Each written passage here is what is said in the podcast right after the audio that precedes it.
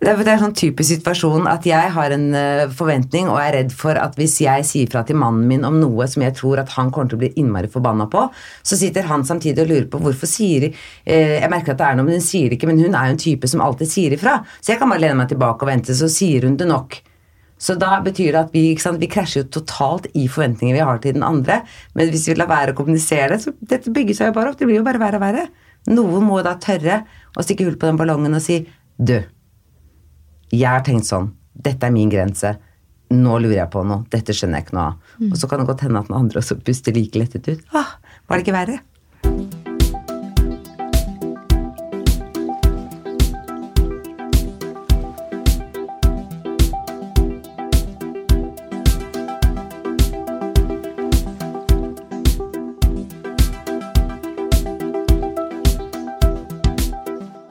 Velkommen til Engler og hormoner. Inspirasjon og ny kunnskap om helse, selvutvikling og livsstil.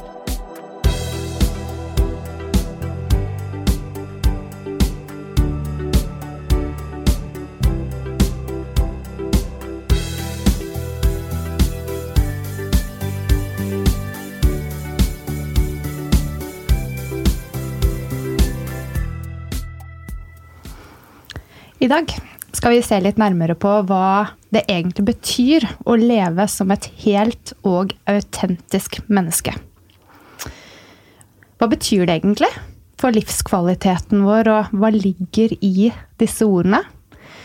Vi gleder oss veldig til å utforske dette temaet i dybden, og kanskje få litt forståelse av eh, betydningen av disse ordene på en måte som gjør at vi kan ta det med oss som verktøy i egne liv. Og her i studio er det meg, Mona. Meg, Ingvild. Og vi har med oss to flotte gjester. Kan dere få introdusere dere selv? Ja, skal jeg begynne? Det kan du. Vær så god, Sølje. Eh, jeg vet to her i dag. Vi er en liten duo. Jeg heter Sølje Bergman, og jeg er den ene delen av Inhouse Coach. Mm -hmm. Og jeg heter Linda Juel, og jeg er den andre delen av Inhouse Coach. Sammen er dere dynamitt. Og eh, vi snakket jo litt sammen eh, før mikrofonen ble skrudd på. Men kan dere mm. fortelle oss litt mer om deres egen bakgrunn? Hva, hva var deres vei sammen og mot dette målet som dere har? Ja, altså jeg kan jo si at jeg har veldig variert bakgrunn. Jeg har jobbet i utrolig mange forskjellige bransjer med, i ulike roller. Men det som kanskje har vært sånn fellesnevner for meg, er at jeg har vært en person som uh, har vært opptatt av å samle teamet som jeg jobba med. Og jeg har også vært uh, en brobygger mellom ledelse og ansatte. Og uh, det har jo skapt mer nysgjerrighet i meg. Og da valgte jeg å ta en utdannelse som coach. Mm. og så har jeg da møtt Sølje for ca. et år tilbake. Og det var full match. Mm -hmm. mm. Ja, det er det som er veldig gøy, at det er jo et knapt år siden vi møttes. Men vi møttes jo gjennom den eh, forenlige personen for det å formidle og det å kommunisere. Og det å være, som du sa, et autentisk eh, menneske og være sitt beste jeg. For jeg har bakgrunn som, eller er, skuespiller.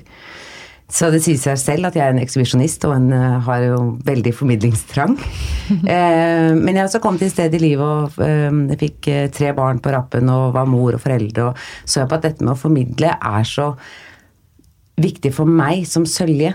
Og som skuespiller gjør jeg det via en karakter, men som jeg hadde så mye mer på hjertet som kom liksom, rett fra meg. og i alle år, egentlig, og særlig voksne år, har jeg kjent på det at jeg fungerer også veldig godt i samtalekommunikasjon med mennesker. Jeg syns det er kjempegøy å komme et sted gjennom å ha disse gode samtalene. Så når Linda og jeg eh, møttes, så var vi kjappe på at ok, let's eh, do this, og hoppe rett ut i det. Starte et firma. Inhouse Coach, for nå skal vi ut i verden og, som vår visjon sier, bevege mennesker én samtale av gangen. Det er veldig lett å se med deg, Sølje, som bakgrunnen din med skuespill, mm. at du har tatt på deg roller. Altså, det ligger jo i hele konseptet. Men mm. det er jo fascinerende hvordan vi alle gjør det, egentlig. Men ikke så tydelig som det er når mm. du står på scenen. Mm. Og da blir jeg litt nysgjerrig på dette ordet autentisk, som blir brukt veldig mye nå. Alt skal jo egentlig være autentisk. Men hva betyr det egentlig? Når vi snakker om det, og når vi diskuterer ordet autentisk, øh, og jeg kan svare for meg i jeg-form også, så handler det om å være i deg selv et helt menneske. Og det også kan man jo uh, si betyr veldig mye. Jeg tror vi spør deg om det også. Hva betyr det? ja, og det, uh, det betyr egentlig Still deg selv spørsmålet hvor godt kjenner du deg selv? Hva er viktig for deg i livet? Hva er dine verdier? snakker vi coacher veldig mye om, og vi er jo ekstremt opptatt av det, fordi der ligger egentlig essensen til dette herlige ordet autentisk. Det har noe med å kunne leve et så fullverdig, ærlig liv, og samtidig føle trygghet, tillit og tilhørighet til menneskene rundt deg. Og ikke minst til deg selv. Mm. Skal det mening?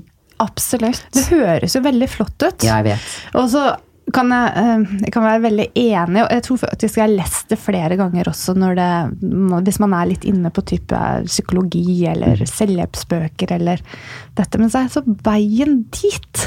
Fordi vi lever jo i et samfunn der vi også er forventet å ha visse ja, roller. Oppfylle kanskje visse kriterier. Mm. Så hvis man skal gå ut av forventningene, og så leve som et helt menneske etter sine verdier autentisk, mm. så kan det kanskje skape noen utfordringer? Ja, absolutt. Og det er det sikkert veldig mange som kjenner på. Ehm, det som vi snakker mye om, da, det er jo å leve etter dine indre verdier. For det vi mennesker, vi har jo et verdisystem eh, som er forskjellig fra menneske til menneske. Eh, og noen, eh, for noen så er det jo noen verdier som er viktig på ett område. Og, og så er det noen verdier som er viktige på andre områder. Og det å utforske det litt mer, og kjenne etter og stille seg selv spørsmål Hva er det som er viktig for meg? Eh, det tror jeg er veldig viktig. Eh, og da tror jeg du står også stødigere eh, i forhold til det trøkket da, som du opplever utenifra. Men det er så mye som ligger innunder akkurat det å leve autentisk. Og det er det så mange bolker i, og det er så komplekst. Mm -hmm. Og det gleder jeg meg til at vi skal snakke enda mer om her. For vi mm. skal jo ta opp ulike temaer innenfor akkurat dette. Så hvis vi kan bryte det litt ned, da, er det noen punkter som dere har lyst til å komme med nå? Sånn, hva, hva, er det vi skal starte med? Ja, det er jo selvfølelse og selvtillit, kanskje. Mm. Å definere litt mm. forskjellen på de to. Og egentlig hvor viktig selvfølelse er. Eh, og jeg vet ikke om alle vet forskjellen på egentlig selvfølelse og selvtillit. Så det kan vi jo definere litt først. Det er noe som jeg undret meg mye over. for jeg, øh, Vi syns det er veldig viktig å skille de to. Og det mm. viser seg når jeg snakker med mennesker, og kloke og oppegående mennesker også, så er det faktisk ganske diffust. Vi slenger oss litt rundt rundt oss med de to ordene selvtillit og selvfølelse, og vet ikke helt forskjellen. Og det er mange som jeg spør som tror at det er det samme. Noen tror, vet ikke helt hva forskjellen er, og noen har aldri tenkt over det. Uh, og her tenker jeg det ligger en For meg er dette en veldig viktig essens i uh, det å være menneske i dag. For selvfølelse som definisjon, selvfølelse handler jo om hva du tenker om deg selv, hvordan du har det med deg selv, hva du synes om deg selv. Er jeg bra nok? Dette altså kjente uttrykket. Eller er jeg, hvor god er jeg, eller hvor dårlig er jeg? Men selvtillit går jo på ren prestasjon. Mm. Selvtillit handler kun om det du presterer og det du får til der ute. Og spør du meg, så påstår jeg at det, vi driver med i dag, er jo å fostre et samfunn som kun jobber med selvtillit på skolen for barna. Det handler om prestasjon, resultater. I arbeidslivet, egentlig også på hjemmefronten og privatlivet vennskap. Og da er det mange kan få seg et lite sånn, sånn sjokkopplevelse. Men, men hva med selvfølelsen? Fordi du kan gå rundt og ha ekstremt god selvtillit og så går du hjem og lukker døren, men så har du det helt forferdelig fordi selvfølelsen er på bånn. Her er det en viktig, det er en viktig vektskål. Og jeg tror at det er ikke bare at du kan ha det, men jeg tror at det er veldig mange som har det. Og mm. vår opplevelse fra helsebiten i mm. det Jeg vet ikke om jeg kan si dette, men jeg er så Ja, jeg er så tøff at jeg sier at jeg tror det skaper mye sykdom og uhelse. Mm. Fordi den dissonansen og hva du må stå i med det stresset og prestere i forhold til selvtilliten og den rollen du har med lav eh, selvfølelse, det er eh, for mange veldig slitsomt. Mm. Og det handler jo også om din indre dialog. ikke sant? Den springer jo ut ifra din selvfølelse. Hva er det du sier til deg selv? Eh, hva tenker du om deg selv? Er du glad i deg selv? Eh, og så egentlig rigger du livet ditt ut ifra det, for du da tar handlinger ut ifra hva du føler at du er verdt. Hva du føler at du betyr. Og så gjør du handlinger ut ifra det, og så sitter du da med et liv som, veldig, som det er veldig lav standard på. Rett og slett. Og det er veldig synd, for da har du ofte det med sykdommer ikke sant? og stress og angst og depresjoner osv. som du nevnte litt, da. Som, som kommer ut ifra det. Men hvordan er det vi skal finne dette noe, da? Dette noe som vi lengter etter? Eh, Det som kan være med på å gjøre livet litt mer komplett? Mm, Eller autentisk. Autentisk! Hvor mye skal vi misbruke det ordet? Eh, nei, det er ikke sant, det, Nå har vi, snakker vi så vidt eh, toucher innom selvfølelse, selvtillit. Og eh, der, der mener jeg at det starter. Alt springer ut ifra hva, hvordan har du med deg selv. Hva synes du om deg selv eh, som menneske? Helt uavhengig av verden der ute. Helt uavhengig av alt som kommer på en måte utenfra inn. Så eh, alt jeg eh, ønsker å gjøre, og vi to ønsker å gjøre når Linda og jeg jobber sammen, det er jo at mennesker skjønner at alt starter med deg selv. Det betyr ikke at du skal bli navlebeskuende, men det betyr at dette noe er individuelt. Så det er ganske vanskelig å snakke om dette noe som du refererer til der. Fordi mm. det, det spørs jo helt hvem du er, hva du ønsker, hvor du vil, hvor du står, hvilke muligheter har du. Eh, så på en måte alt vi toucher nå er vanskelig å touche, fordi at det, det, det går, alt går egentlig i dybden. Så derfor har vi lyst til å snakke om andre faktorer som kan hjelpe deg til i hvert fall prøve å finne dette noe. Jeg vet vi skal innom noen spennende punkter etterpå, men dette er noe som jeg bare må skjære litt gjennom. Fordi det er flott å kunne reflektere over det. Men hvis du har lav selvfølelse, og hvis du har dårlig selvtillit, og du har mye støy rundt deg, så krever det jo veldig, veldig mye å skulle gå inn og finne disse tingene i seg selv.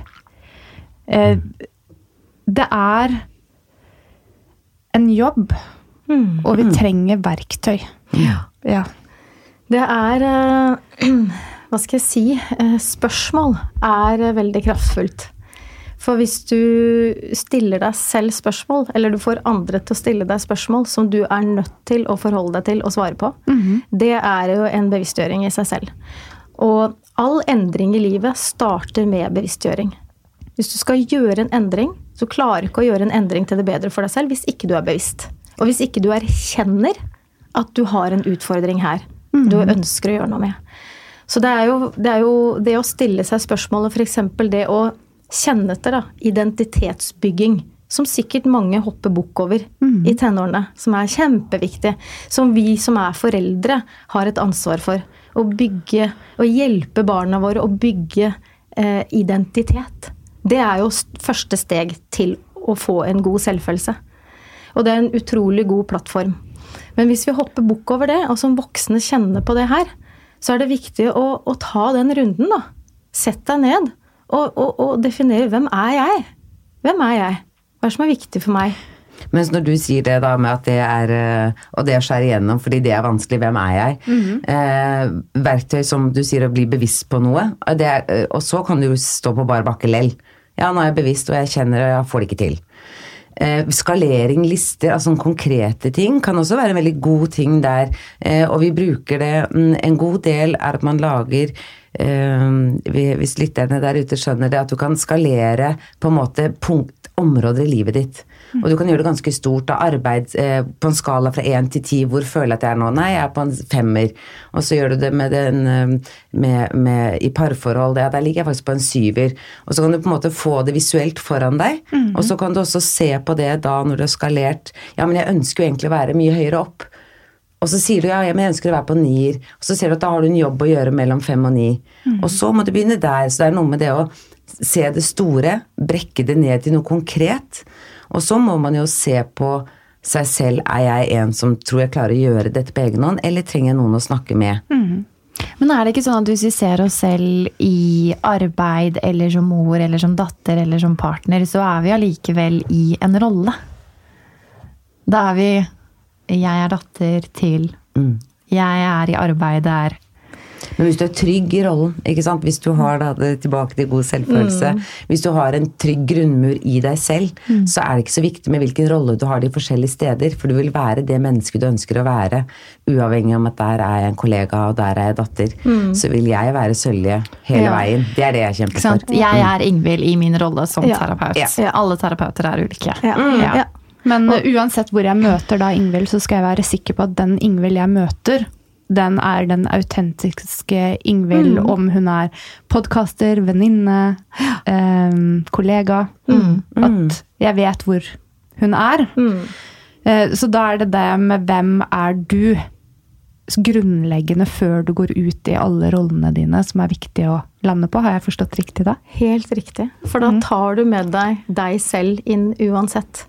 Når jeg er på jobben, når jeg er med Sølje, når jeg er med dere, er med barna mine, så er jeg Linda.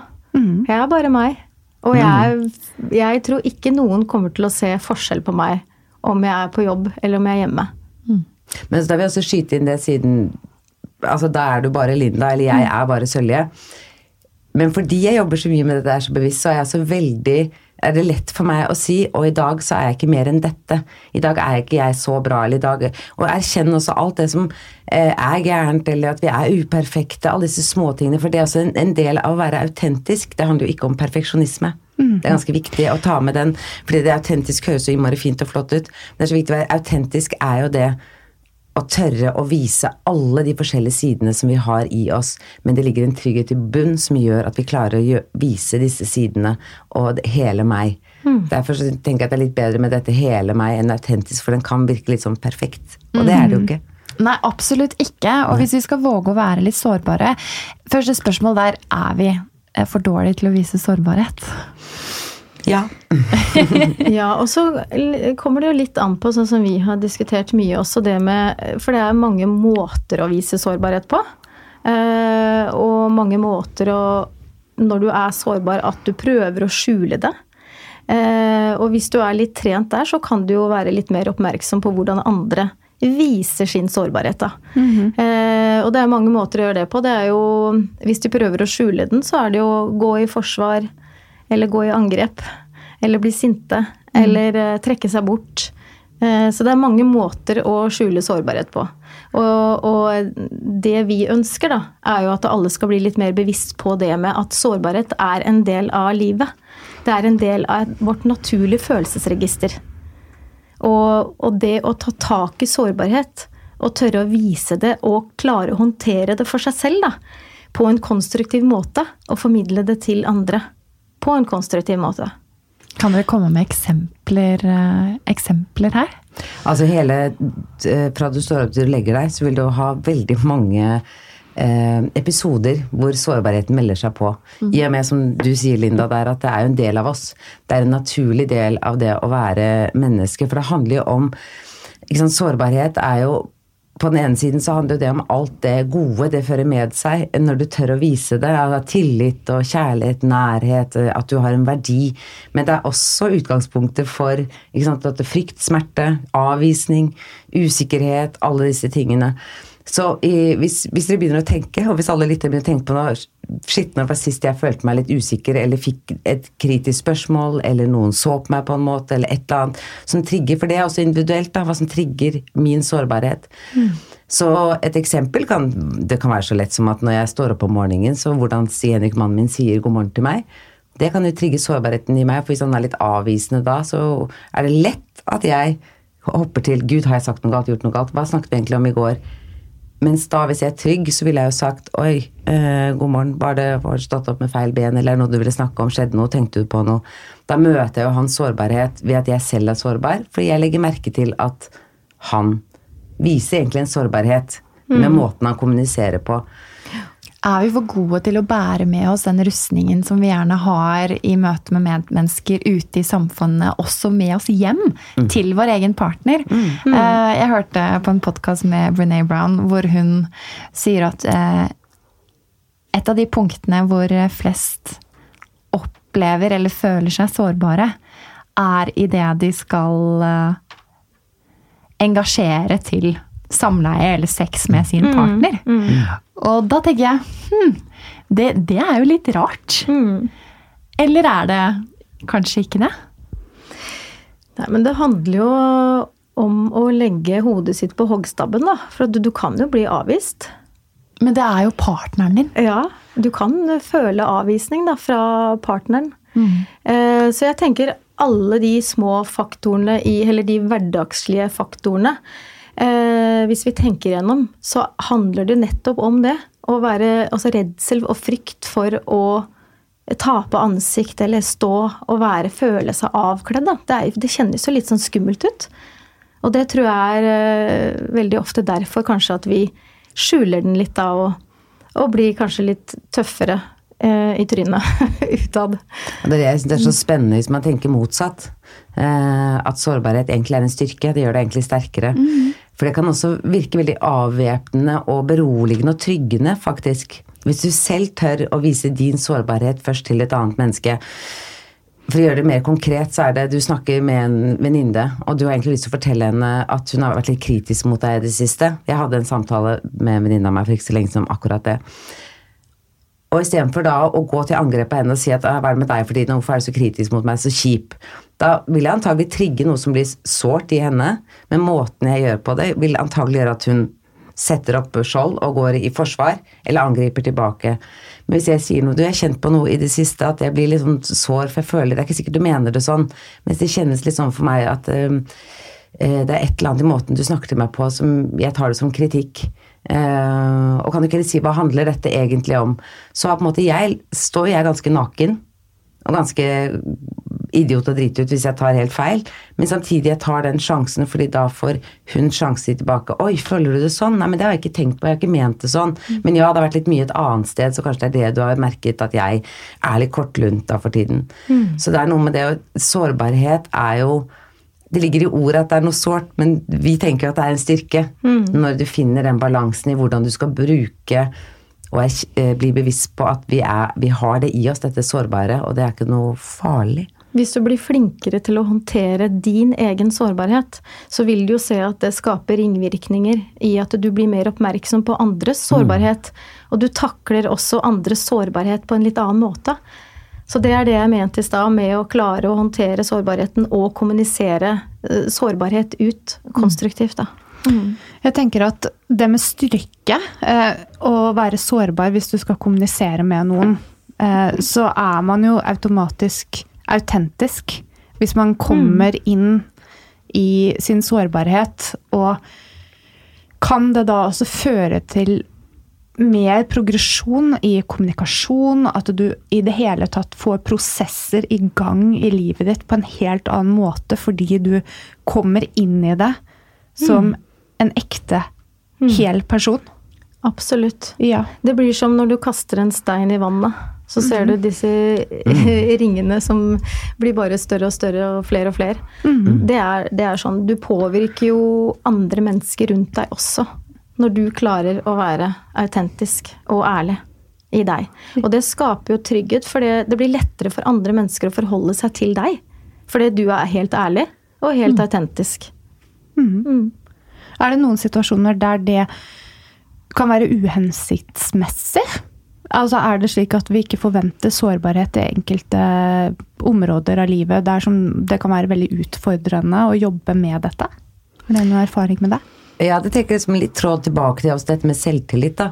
For hvis du eh, lever livet ditt tuftet på hvor vektskålen er mye mer på selvtillit, hva du presterer, så er det jo klart det at i prestasjon og resultat så er det kanskje ikke så stort rom for dette med sårbarhet, for det vil bli sett på som en svakhet. Det er litt utfordringen vi ser på, som vi mener er i samfunnet. Men hvis du snur det, at du har en god selvfølelse, så vil jo av disse andre faktorene, som f.eks.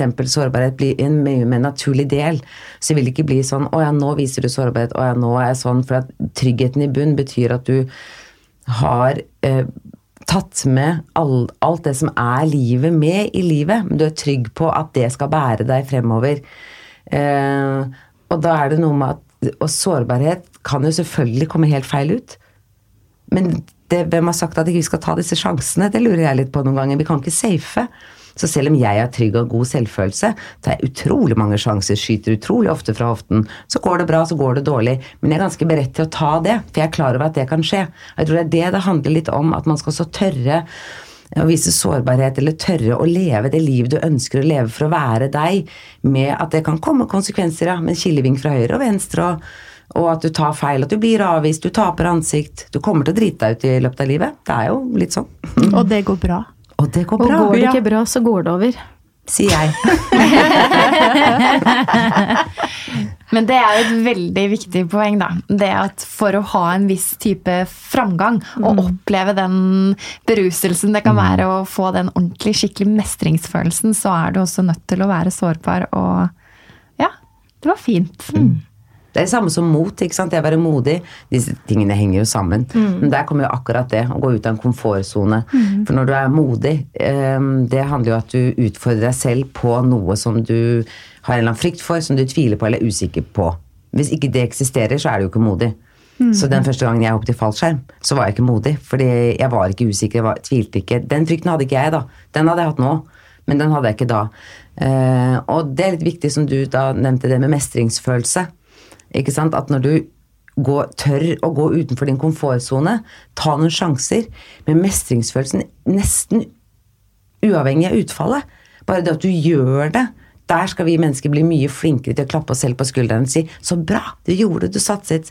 Fordi da blir du også et helere menneske. Da for det bygger også selvfølelsen. Og det blir mer autentisk, for å gjøre det litt livlig det ordet også, når man eh, tør litt, da.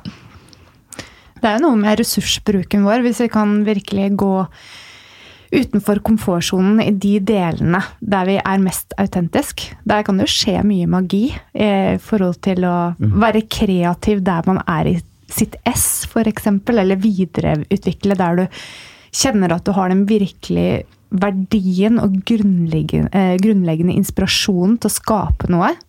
Em, livskvalitet? Går det an å kalle det det? I aller høyeste grad, vil jeg si. Mm.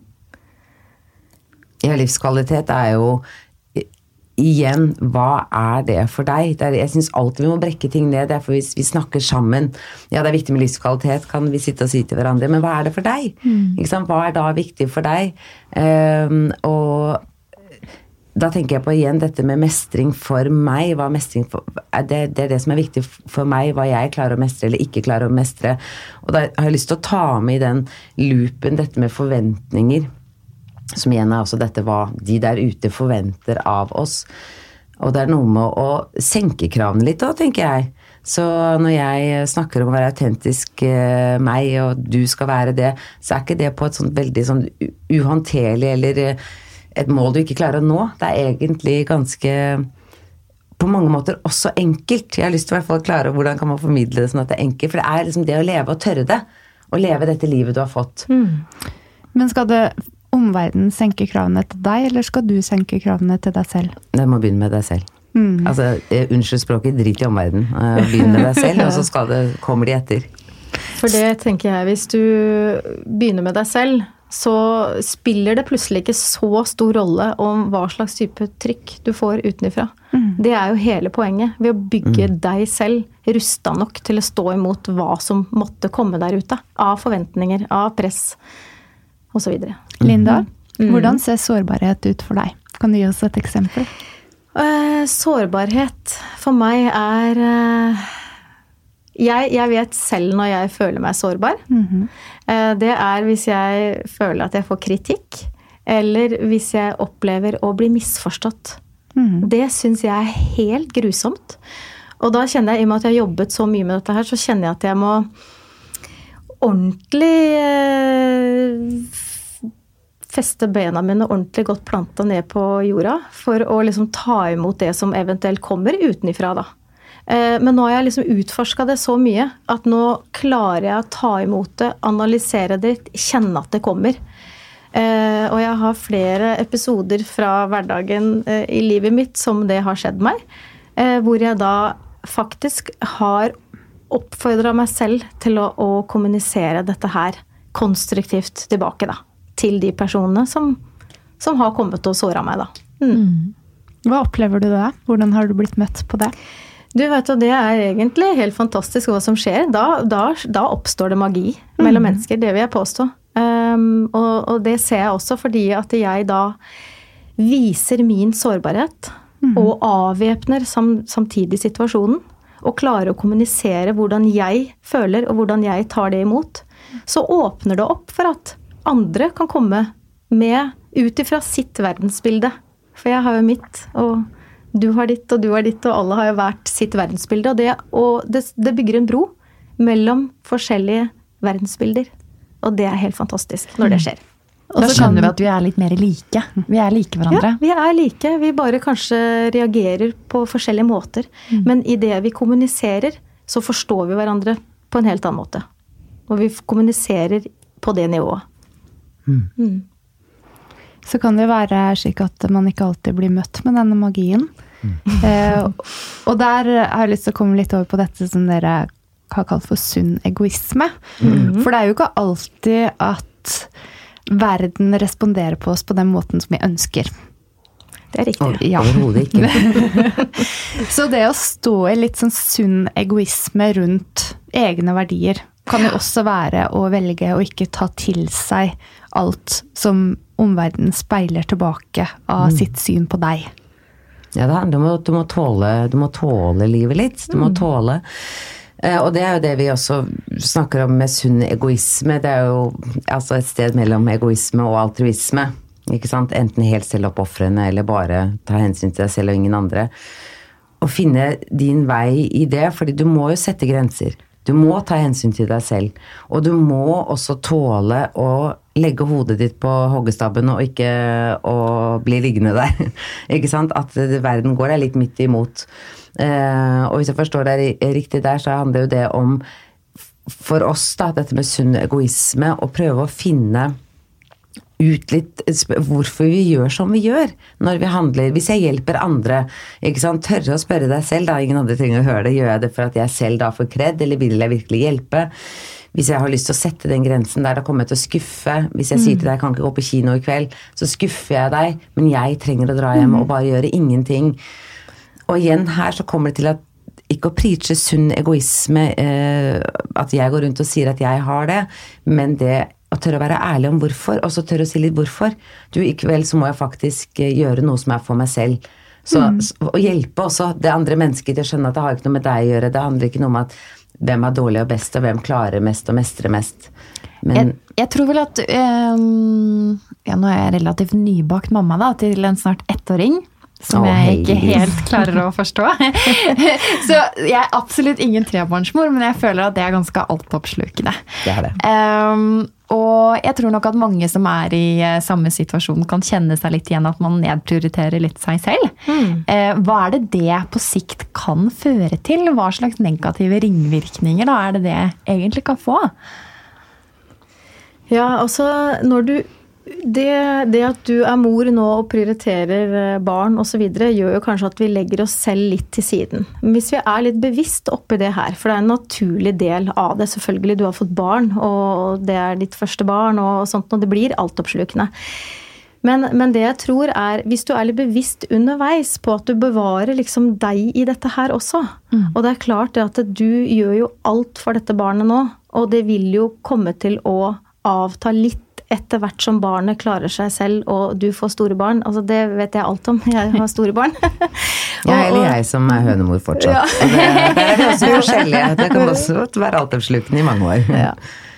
Nei, så tenker jeg Hvis du er litt bevisst på det her, sånn at ikke du undertrykker alt som handler om deg å gjøre, men at du bevarer din personlighet og din autentiske deg mm, selv om du er mor, det tror jeg er litt viktig, og det er sikkert veldig mange som glemmer akkurat det i, i en sånn fase i livet, mm. som, er, som, er, veldig lett å gjøre. Um, men jeg har jo sett tilfeller hvor det har skjedd. hvor eh, da man sitter der, og så har man ikke pleid forholdet ordentlig godt. ikke sant? Kjærlighetsforholdet. For at man har vært så veldig inne i barna sine. Og så har man liksom mista seg selv litt på veien. Og da kan det være at man mister litt fotfeste. Og da, da kommer man fort inne i litt sånne livskriser, vil jeg tro kan skje. Men så er det viktig det, det å ta vare på seg selv og ta hensyn til seg selv og få litt tid til seg selv. Her er jo igjen at du må senke forventningene. Eh, jeg som da er trebarnsmor og syns det er fremdeles ganske altoppslukende, så er det noe med at jeg har mye mindre forventninger og blir glad for mye mindre. Det er de små tingene. ikke sant? Istedenfor å gå og vente på at eh, Stig Henrik, mannen min og jeg skal klare å ta oss en alenetur. altså Det er en utopi, akkurat per nå i hvert fall. Så er det helt andre ting jeg kan gjøre som gir meg en glede. Så man må senke kravene til også eh, før og etter barn, eller noe da som gjør at du syns du tar litt dårligere vare på deg selv i perioder i livet. Så det å tørre det, ikke sant, å ha disse Ja, men det er mye bare det at jeg tar et badekar alene. At ikke da den lille ettåringen som krabber på gulvet Hadde jeg bare hatt et badekar Nei, ja, ja. Du kan komme inn til Ja, tusen takk selv, ja. Eller jeg som er vant til å ha minst to, tre, fire oppi sammen når jeg bader. Men små ting, Om det er å se den filmen, eller om det er som at du selv spiser et rekesmørbrød, for det er det beste du vet den kvelden. Mm. Altså, da må du det er da vi begynner å se hva gleder deg egentlig. Jo, det er akkurat hvis jeg bare får de ti minuttene. Um, Det eller- er jo sunn egoisme. Det vi snakker om nå, ja. det er sunn egoisme. Ja. Men da ikke sant, ikke vente på de store til Jeg må ta vare på meg selv, jeg må komme meg på spa, jeg skal ditten, datten, dotten. Altså, det går ikke. Du får jo kanskje ikke gjort det nå, men hva kan du faktisk gjøre som gjør deg glad? Og du setter da grenser for deg selv. ikke sant? Du skaper den rammen du trenger ikke sant? for å ha litt tid med deg selv. Kjempeviktig. Kanskje man må jo- ha litt uh, Kanskje man må ha litt mot for å tørre å sette noen av de grensene? Hvordan eh, spiller det inn? Jo, for det er jo igjen dette å, å utfordre seg. Å tørre øh, å utfordre Og tørre å si nei til andre også. Ikke sant? Og tørre å stå imot forventninger fra andre. Vet du hva, det tenkte jeg på når Sølje i stad så sa du dette at man kan si ifra hvis man skal på kino at eh, i dag passer ikke det for meg. Men det er jo også noe med det at hvis ikke kommunikasjon ligger i bunnen der på en forståelse med hverandre, så kan det bli vanskelig Å, å sette slike grenser. Så um, har du noe Hvordan skal vi gå frem her hvis man har hatt en måte å være på i relasjon til sine omgivelser, men man har lyst til å skape en endring i forhold til å sette slike grenser og Kommunisere det òg. Ja. Jeg er i endring, jeg prøver å gjøre endringer i livet mitt. Jeg vil bli flinkere til å si ifra, så nå kommer dere kanskje til å merke det. Altså Det må også kommuniseres. Det er jo det vi prøver hele tiden å bejae, er at eh, snakk mer, formidle mer. Vær mer åpen i kommunikasjon. Eh, vær mer ærlig, tør å si tingene. Og så selvfølgelig må du finne en måte å gjøre det på. For det handler ikke om at du vil vondt. Vil du deg selv vel, så vil du antagelig det også for andre mennesker. Så du må jo finne en måte å si fra til andre mennesker på. Og avvæpne er jo kjempelurt å gå Jeg bruker veldig, jeg har lært veldig mye å bruke meg selv når jeg skal gå inn i noe som er litt vanskelig i kommunikasjon. Hvor jeg kan enten si jeg har kjent på en ting en stund som jeg tok tak i, og nå ser jeg at når vi to snakker sammen nå, så kjenner jeg at du kanskje har litt av det. Og det er bare så du vet det. eh, vi kan godt prate om det. Eller som denne kinoen, da. Eh, du, kanskje, du blir sikkert skuffet, og jeg er veldig lei meg for det. At jeg kommer til å skuffe deg nå, men vet du hva, faktisk, jeg kan ikke gjøre det i dag, for jeg trenger å gjøre noe annet. Da har du på en måte allerede åpnet for at du ser den andre. Jeg ser deg, jeg ser at du kommer til å bli skuffet nå, og jeg vil ikke det, men jeg, dette må jeg gjøre for meg selv. Da tror jeg med ganske stor sannsynlighet at du i hvert fall gjør det litt lettere for den andre å ta imot det, ikke som en ren avvisning, men med forståelse. Mm. Og når du kommuniserer på den måten, så er du jo veldig ærlig. Og da tenker jeg også at eh, hvis ikke noen rundt deg, da venner av deg, tar det, så tenker jeg det sier jo ganske mye, tenker jeg. Hvis du kommuniserer på en så ærlig måte. Og det fortsatt ikke eh, faller i god jord, liksom. For du handler jo og kommuniserer ut ifra det du føler, og hva som du tenker er best for deg. Og, og hvis du samtidig da avvæpner situasjonen med at det handler ikke om deg. Det, det, det er meg, ikke sant. Det handler om meg og, og mine grenser. Da tenker jeg at hvis ikke du møter forståelse på det, så tenker jeg det sier ganske mye om de som er rundt deg, da. Ja, vi snakker utrolig mye om det i disse tider også, det å gå på akkord med seg selv. Som du nevnte i begynnelsen, helse er løs, livsstilssykdommer, utmattelsessyndrom, ikke sant. Vi møter veggen. Gud, er ofte det skjer nå.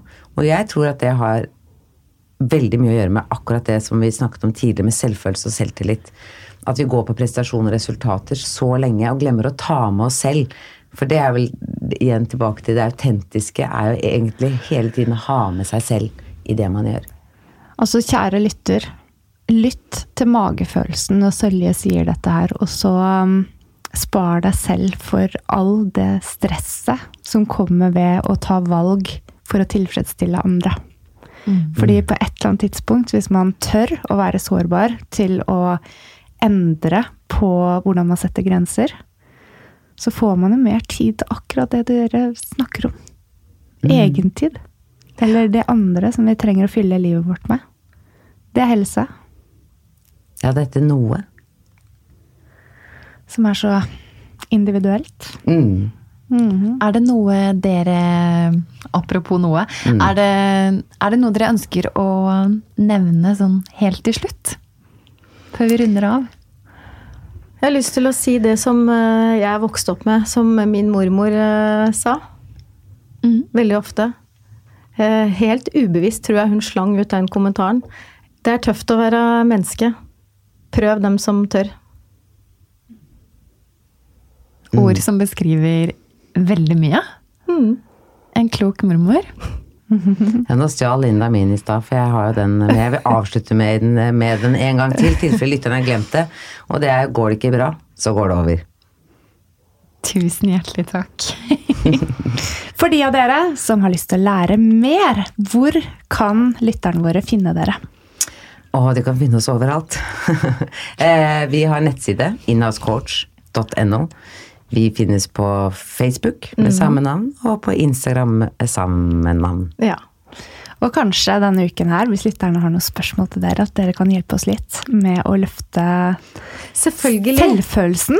Det er kjempegøy. Og motet. Mm. Men fikk dere litt verktøy og sånn nå, da, som eh, Og dere lyttere Ja, still spørsmål hvis ikke dere har fått nok. Det blir det vel.